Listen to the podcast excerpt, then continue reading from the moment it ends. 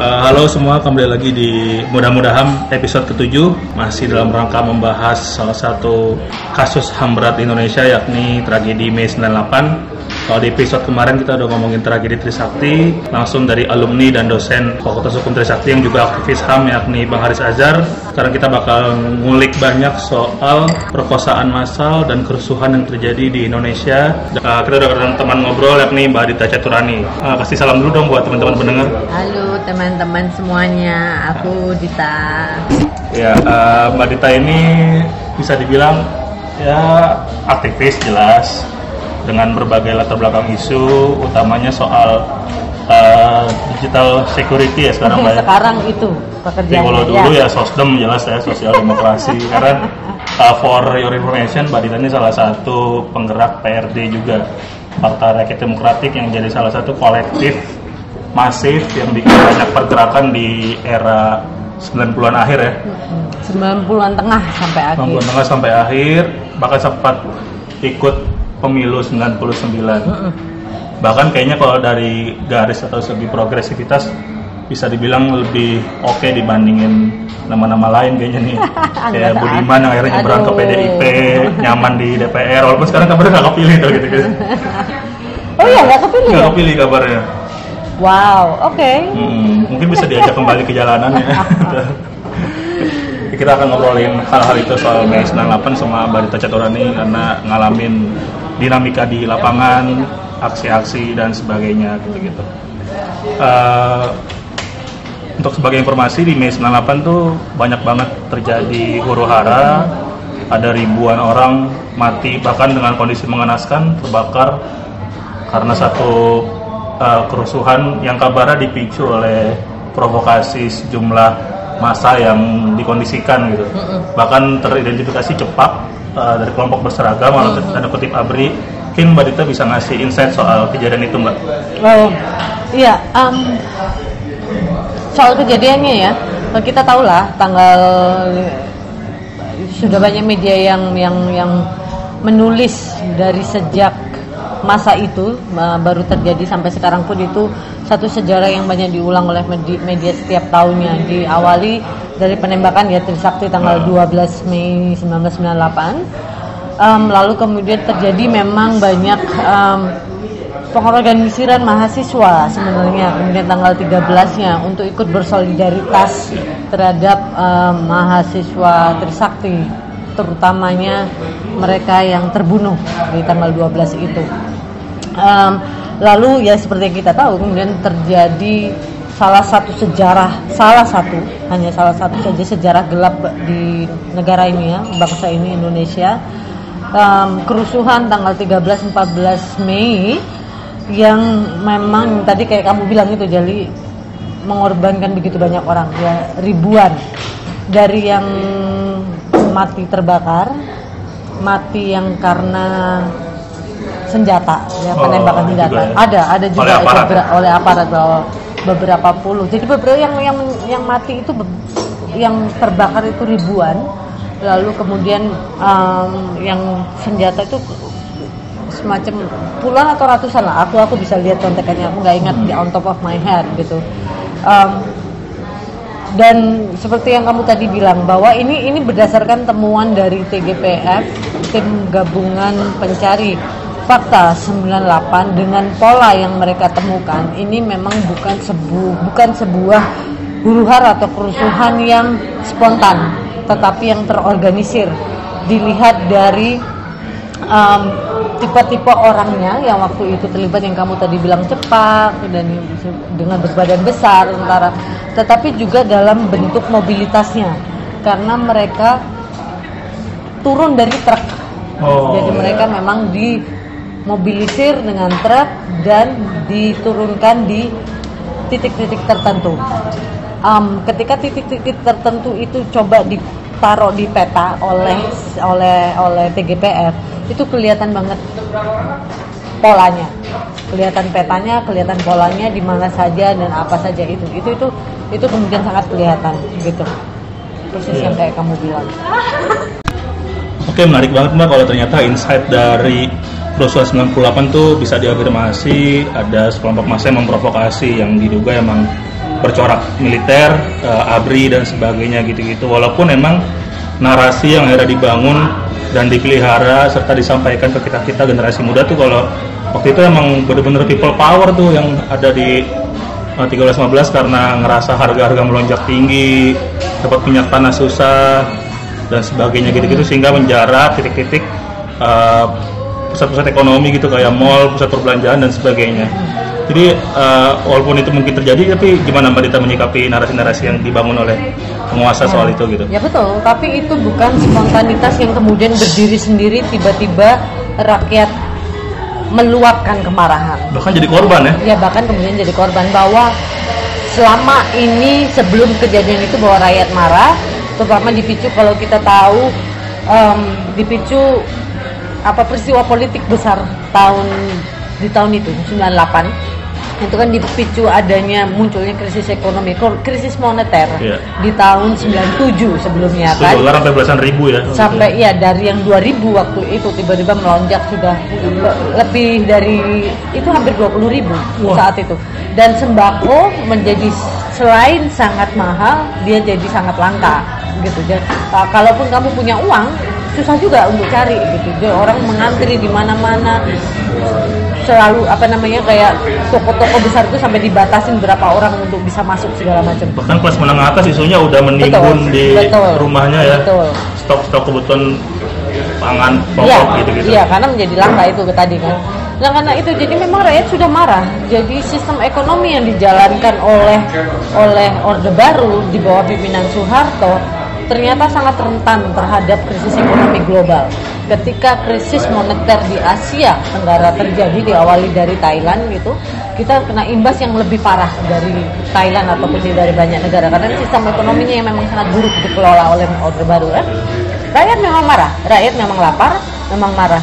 Tetapi itu tidak, tapi peristiwa huru hara atau kerusuhan Mei itu tidak muncul tiba-tiba dengan sendirinya. Dan insight itu kayaknya didapat oleh si dalang di balik kerusuhan ini Betul, ya. betul. Menciptakan Dengan akan sangat mudah kalau Hmm. lo lapar, lo marah, itu sangat akan mudah diorganisir untuk menjadi melakukan hal-hal tersebut dan menjadi itu yang alasan untuk kudeta dan sebagainya gitu-gitu dulu isunya. ya. betul. Ya, ya itu akhirnya yang terjadi seperti itu. Bahwa memang benar ada rakyat yang lapar dan marah dan menjarah, tapi tidak sekonyong-konyong itu mereka lakukan sendiri. Tetapi memang di- yang kamu tadi bilang diprovokasi dan Hmm. diorganisir.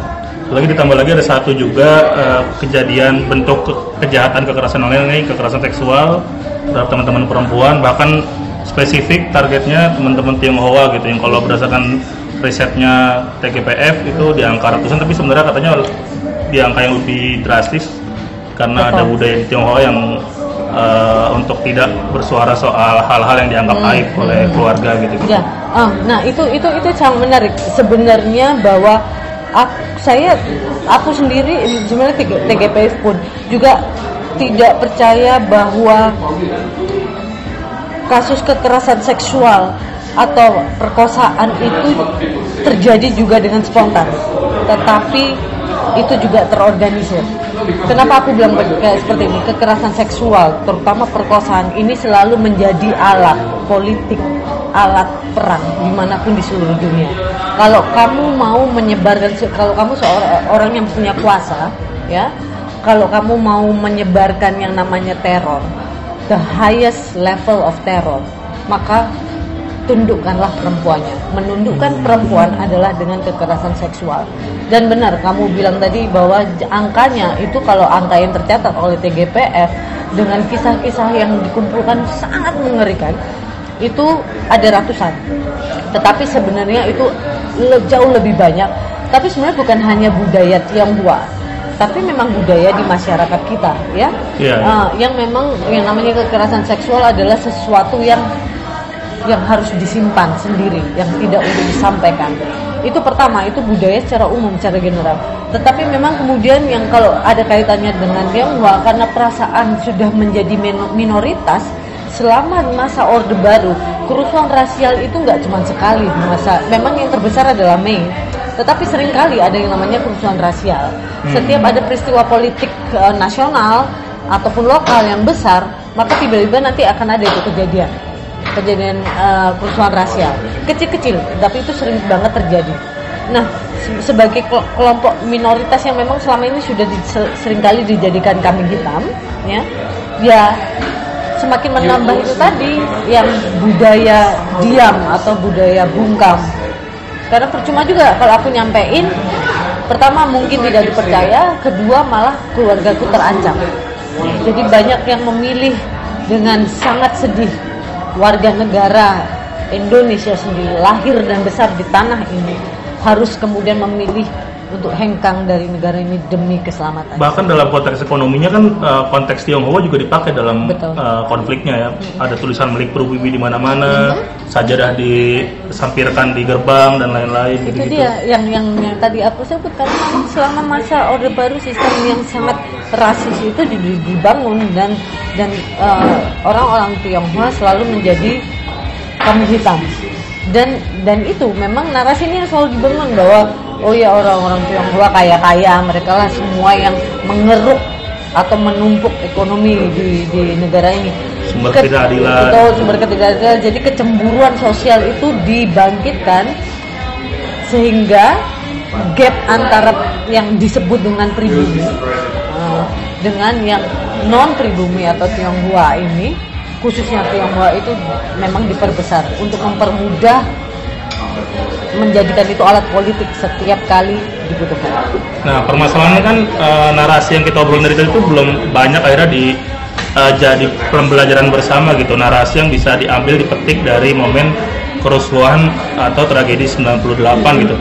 Eh, sentimen antara orang-orang antar etnis, kita masih cemburu akan Tionghoa, tenaga kerja asing, bahkan juga gimana kita menyikapi kekerasan seksual, teman-teman belum mau speak up karena takut eh, respon dari bahkan inner circle sendiri juga malah uh, victim blaming gitu-gitu itu masih terjadi gitu apa yang bikin uh, hal-hal buruk itu masih terjaga dengan langgeng di hari ini mbak 21 tahun setelah kejadian Ya karena memang memang masih dipertahankan, Mak. karena memang masih dipelihara. Kita lihat aja gitu. Soal ketika Mei 98 lalu Soeharto turun, reformasi terjadi, harapan dan euforia yang sangat besar bahwa Orde Baru dan sistemnya sudah sudah rubuh dan kita siap untuk membuat apa membangun satu sistem yang baru itu sebenarnya nggak terjadi. Soeharto turun tapi itu adalah ini mungkin jadi bahasanmu yang menarik buat minggu depan. Apa apa Kita bisa 587. episode yang berikutnya untuk untuk ini.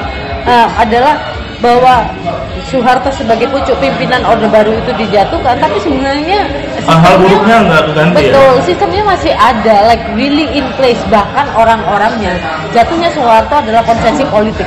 Harus kita akui sebagai aktivis di masa tahun 90-an itu yang ikut um, dalam proses menggulingkan Soeharto.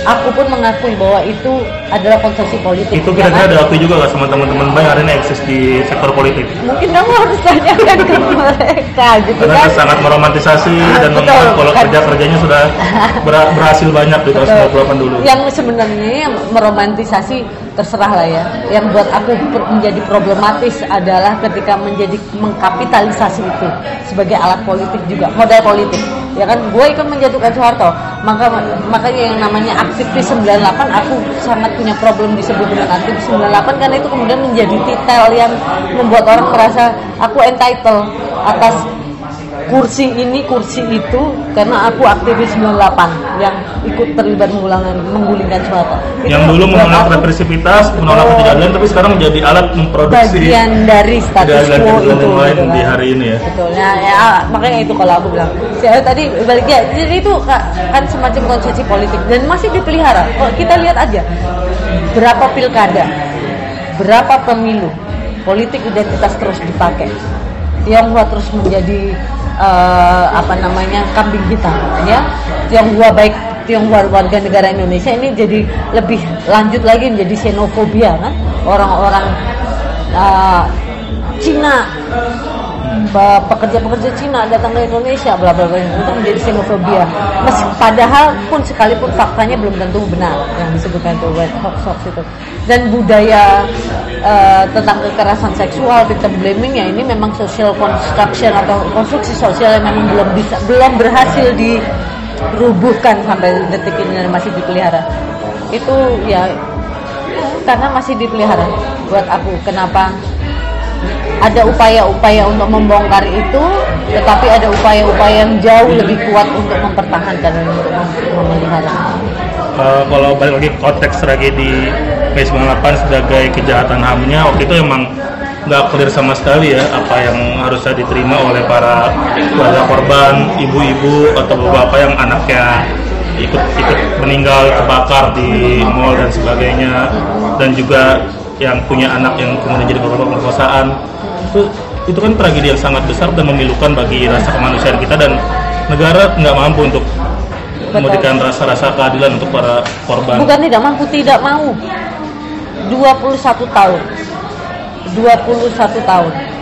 Pernah dengar cerita nggak Pak dari yang mengalami langsung soal korban yang anaknya meninggal saat kerusuhan atau menjadi korban pemerkosaan, Um, apa yang dirasain dan oke. sebagainya. tidak se enggak, tidak secara langsung karena aku bukan bagian dari TGPF dan aku selalu paham pada posisi dalam artian begini kekerasan seksual itu adalah peristiwa besar dalam hidup adalah tragedi besar dalam Iya. hidup kita tidak bisa se Generalisasi. seenaknya ya gue mau ketemu korban dan gue mau ketemu sama dia ya kan ada satu trauma besar bahkan kalau kalau kamu membaca testimoni yang dikumpulkan atau tulisan-tulisan kisah-kisah yang dikumpulkan oleh para eh, anggota TGPF itu terkait dengan kasus-kasus kekerasan seksualnya, kasus-kasus perkosaannya itu kan mengerikan dan bahkan sampai korban bahkan tidak mau bicara.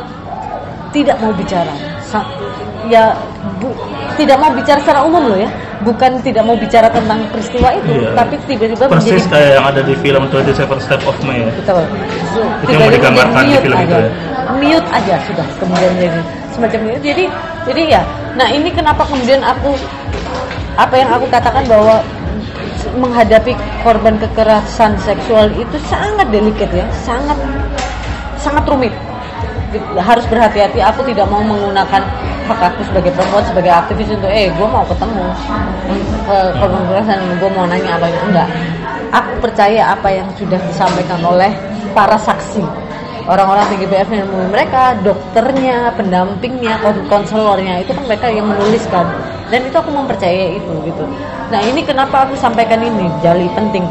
Karena be- terutama beberapa tahun yang terakhir ini yang aku sangat sebenarnya marah banget ketika kemudian ada tuduhan-tuduhan bahwa itu hoax yang dikatakan Iya. oleh nah, para TGPF itu hasilnya itu katanya hoax. Si survivor ada itu, si Ita Martarinata ya. Itu nggak ada itu korban kekerasan tidak ada terjadi perkosaan tidak ada kekerasan seksual mana buktinya nggak ada korbannya nah ini yang kita harus dan banyak masyarakat honestly speaking ya secara jujur aku mau bilang yang selalu bilang kalau ada korban ka- katanya ada perkosaan mana korbannya? Ya nggak bisa seperti itu. Kamu nggak bisa ngelihat eh, semata-mata langsung untuk mempercayainya kamu harus butuh. Seluruh Indonesia harus ditunjukin korbannya Kayak aja gitu turun Iya. salju dan sebagainya nggak bisa kayak gitu kan. nggak bisa tuh sih kamu minta korban bayangin stigma yang akan mereka terima lebih jauh lagi ketika mereka menampakkan wajahnya secara nasional nggak bisa Itu- betul. lanjutan setelahnya ya. itu standar penanganan korban kekerasan seksual di mana pun di seluruh dunia itu itu nggak ada kamu nunjukin mukanya Itu yang terjadi di berbagai kasus misal karena korban jadi revenge porn jadi bunuh diri Betul. dan sebagainya gitu-gitu. Tapi ini kan ada satu lagi sebenarnya eh, bentuk kejahatan HAM terjadi di Mei 98 yakni penculikan paksa juga terjadi di Mei kan. Bahkan eh, dugaannya Di sebelum Mei juga ya? eh, Mas Wiji Tukul juga di, diciduk di bulan Mei 98 kan. Eh, bahkan juga dekat sama beberapa nama yang eh, diculik hingga hari ini belum belum jelas kabarnya Mas Bimpet dan sebagainya gitu-gitu. Eh, ada insight soal kerusuhan atau penculikan paksa itu? ya em, ma- makanya kalau mau melihat Mei tidak bisa melihat Mei secara Mei 98 secara berdiri sendiri. Dia tidak tiba-tiba muncul gitu kan? Dia adalah satu pik puncak dari sebuah peristiwa politik yang sangat panjang sangat panjang. Terutama kalau kita mau bicara soal eh, apa orang-orang yang diculik dan itu banyak teman-temanku yang dari PRD kan? Yang memang dari awal 90-an sudah mulai mengorganisir rakyat ya kan untuk melawan Orde Baru saat itu gitu. PRD sendiri sebagai partai didirikan tahun eh, 96 April April 96 dideklarasikan dibentuk dalam sebuah kongres April 96 dideklarasikan pada tanggal 22 Juli 96 ya. PRD dengan semua anak-anak muda saat itu kami masih muda yang sudah dengan lantang betul dengan sangat kritis terbuka melawan Soeharto dan Orde Baru. Tuntutan kita aja jelas. Gulingkan Soeharto itu nomor satu. Dua cabut dulu fungsi ABRI itu dua entitas terkuat ya terbesar lah di, di Indonesia. Dan itu sangat subversif gitu. Mengorganisir perlawanan-perlawanan mahasiswa buruh petani eh, seniman di banyak kota banyak daerah di Indonesia itu peristiwa panjang. Sampai kemudian 97 97 terjadi eh, apa namanya eh, krisis moneter itu. Rakyat marah rakyat lapar yang kemudian ada kanalnya. Ada kanal kan selama ini sudah ada perlawanan tapi itu kemudian menemukan kanal yang ya ini situasi politiknya akhirnya rakyat tahu bahwa mereka ini menderita gara-gara orang-orang ini gitu kan. Gara-gara sistem orde baru itu mulailah. Tapi sebelumnya pun kami sudah dinyatakan subversif kan tahun 96 sejak 27 Juli. Artinya mereka memang, memang di, dibubarkan. Ada kriminalisasi. Betul pimpinannya pada ditangkepin. Dan itu banyak penangkapan yang lain yang tanpa pengadilan yang disiksa di di markas-markas eh, intelijen. Itu kawan-kawan kami banyak mengalami itu. Em, nah itu tidak berdiri sendiri sehingga ketika perlawanan mulai meluas mereka mereka merasa bahwa ini ada yang harus diambil. Ini harus yang bertanggung jawab. Selain itu tetapi juga untuk memberikan chilling effect kan? Memberikan kayak menebarkan teror gitu. Kalau lo ngelawan ini yang akan terjadi. Iya. maka penculikan-penculikan itu terjadi. Penculikan-penculikan itu terjadi lalu Mei pecah kerusuhan dan segala macam dan nggak cuma di Jakarta sebenarnya itu banyak terjadi di mana-mana. Aksi-aksi besarnya juga bukan cuma di Jakarta aksi-aksi besarnya itu di mana-mana terjadi. Nah jadi ngelihat Mei itu tidak tidak jangan melihat itu berdiri sendiri. Bahwa um, korban penculikan itu yang masih hilang sampai sekarang yang banyak di antaranya adalah kawan-kawanku itu bukan karena peristiwa Mei itu aja mereka diculik tetapi dari yang Kenapa namanya proses perlawanan yang sudah dilakukan selama bertahun-tahun. Tadi walaupun sempat diulas secara jelas soal reformasi teman-teman aktivis 98 dan sebagainya, eh, apa refleksi besar Mbak Dita soal momen itu gitu? Apakah kita bisa bareng-bareng mention kalau reformasi 98 adalah proses yang ya sebenarnya gagal hanya shifting the leader aja atau mem- memenggal peranan Soeharto aja gitu. Bahkan dia tidak bisa kita proses secara hukum gitu. Karena alasan medis dan sebagainya anaknya di hari ini juga masih bisa bikin partai dan lain-lain. Gimana? Kalau bisa dibilang ini adalah proses review gimana proses review Mbak Dita melihat konstelasi di reformasi 98 refleksiku terhadap yang disebut dengan reformasi 98 bahwa aku tidak mau mengatakan itu gagal sepenuhnya. Bagaimanapun juga ada banyak kemenangan-kemenangan kecil yang kita raih. Demokrasi eh, keran demokrasi bagaimanapun juga terbuka meskipun tidak penuh. Tidak sepenuh-penuhnya ya kan? Kita bisa bicara lebih luas tanpa ketakutan diculik atau apa eh, mengalami apa namanya intimidasi seperti masa orde baru itu terjadi setelah reformasi. Itu ada kemenangan-kemenangan gitu tetapi memang ada yang ada juga kegagalannya. Sebenarnya ah, aku sering merefleksikan kira-kira eh, kenapa? Kenapa kemudian apa yang kita harapkan itu tidak terjadi? Bahwa yang kita harapkan untuk meruntuhkan bangunan sistem orde baru ini tidak terjadi. Karena mungkin jangan-jangan nih gitu aku selalu berpikir bahwa jangan-jangan tuntutannya yang kemudian memang memang diambil cuma di situ aja. Jadi kayak kita bicara tuntutan tiga tuntutan yang selalu disuarakan itu adalah gulingkan Soeharto, uh, lalu cabut di fungsi ABRI, uh, yang ketiga naikkan upah buruh, ya, naikkan UMR, naikkan upah buruh. Tiga ini, dan kan itu semua terjadi, gitu kan? At least yang dua dua yang terbesar ini kan terjadi bahwa Soeharto dijatuhkan, lalu si uh, fungsi ABRI dicabut lah ya. Udah nggak ada fraksi ABRI dalam Betul. DPR RI. Eh, eh, di parlemen dibersihkan. Juga di dari pejabat-pejabat negara, jenderal-jenderal aktif atau tentara-tentara aktif juga tidak ada lagi kan itu udah terjadi. Sehingga kemudian setelah reformasi itu yang diambil oleh kebanyakan mahasiswa yang keterlibatannya dalam gerakan hanya sebatas 9798 setelah Soeharto turun mengumumkan ya dia mundur tanggal 21 Mei. 1 Mei 98 ada gerakan yang namanya gerakan kembali ke kampus. Tanpa kemudian menyadari bahwa karena merasa tujuannya udah selesai gulungan Soeharto tanpa menyadari bahwa bukan Soeharto doang. Bakal kalau turunkan Soeharto juga sebenarnya tuh mengalami penurunan derajat dari hal yang lebih drastis kayak betul kayak gitu kayak gantung bahkan dulu keluar atau adili ya, gitu kan. kita ya adili kayak gitu gitu itu kan Bahkan reformasi sendiri juga mengalami penurunan dari kata revolusi gitu gitu. betul reformasi bukan kata-kata kami kalau kalau kamu nanya Dia mengalami dari kompromi dari gitu. dari dari kelompok aku gitu ya dari kelompok-kelompok yang progresif saat itu reformasi bukan kata-kata kami revolusi lah kata-kata kami kemudian itu memang ditwist oleh ya banyak para oportunis oportunis Ya, Amin Rais. reformasi Amin Rais semua menjadikan itu reformasi apa segala macam segala macam itu itu kan Em, ya kami itu membayangkan nggak seperti itu ketika bahkan ketika Soeharto mengumumkan pengunduran dirinya yang kami semua menonton di televisi itu kayak kok gini ya kok gini ya this is not eh, bukan ini yang kami mau bukan ini kami Itu makanya perlawanan masih hadir di sekitar bulan November sehingga Betul. terjadi tragedi Semanggi satu ya. Menewaskan anak ditangkap ya. iya kan.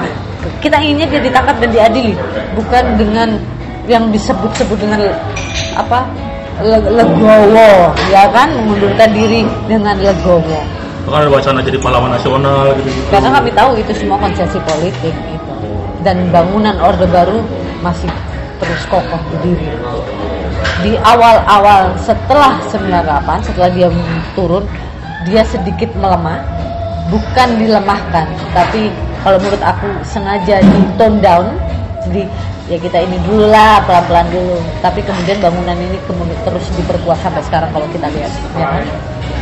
lihat saja kebebasan berekspresi beberapa tahun terakhir mungkin 10 tahun terakhir ini lebih buruk daripada setelah reformasi lebih banyak kriminalisasi aktivis lebih banyak pembakaran uh, perampasan buku ya lebih banyak Aktivis yang ngajak kompromi. Betul.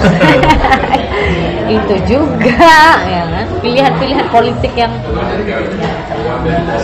Ya. gitu Oke, eh, terima kasih Mbak Dita. Kayaknya kita udah hampir di sesi akhir dari obrolan episode ini. oke Terakhir mungkin bisa sampaikan karena ini judulnya mudah-mudahan ada sebagai plesetan dari mudah-mudahan sebagai wish terkait kondisi HAM kemanusiaan di Indonesia apa eh, yang bisa disampaikan ke para pendengar ini karena utamanya anak-anak muda yang dengar untuk akhirnya bisa ya sedikit banyak ngambil hikmah tadi yang udah kita bahas panjang lebar di reformasi 98 untuk akhirnya bisa bikin perubahan nyata di hari-hari ke depan gitu.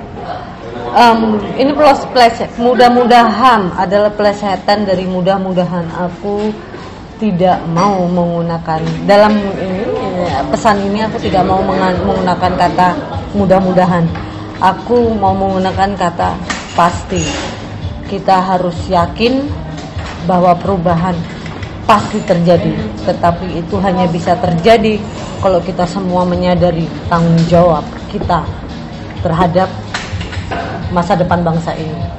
Kita tidak bisa kalau yang dibilang move on lupakan masa lalu itu nggak bisa. Bila tidak ada kebenaran maka akan ada terus impunitas dan kalau ada impunitas yakinlah percayalah bahwa eh, kejahatan kemanusiaan pelanggaran HAM akan terus terjadi tanggung jawab kita kita sadari bahwa ini tugas kita bersama-sama. Enggak cuman generasi aku yang mengalami masa itu, tetapi juga generasi muda karena kita sama-sama ya warga negara eh, rakyat bangsa ini. Kalau kita semua menyadari itu dan mau bergerak, tidak cuman bicara, tidak cuman bahwa bicara itu penting, bahwa berdiskusi itu penting, tapi juga bergerak.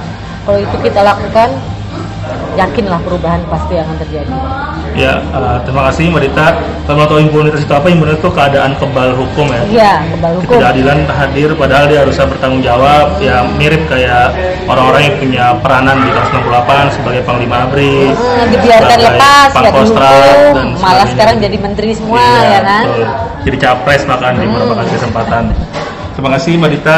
Kalau mau berkontak langsung dengan Mbak Dita bisa di akun media sosialnya Purple Rebel mas Ya, Purple Rebel. Atau kalau mau main-main ke kolektif yang dibikin juga bisa ke Purple Code Eh, punya space sendiri ya. Ya, Bisa di, bisa dilihat di mana tuh Mbak? di dilihat aja di Instagramnya juga at purplecode underscore ID.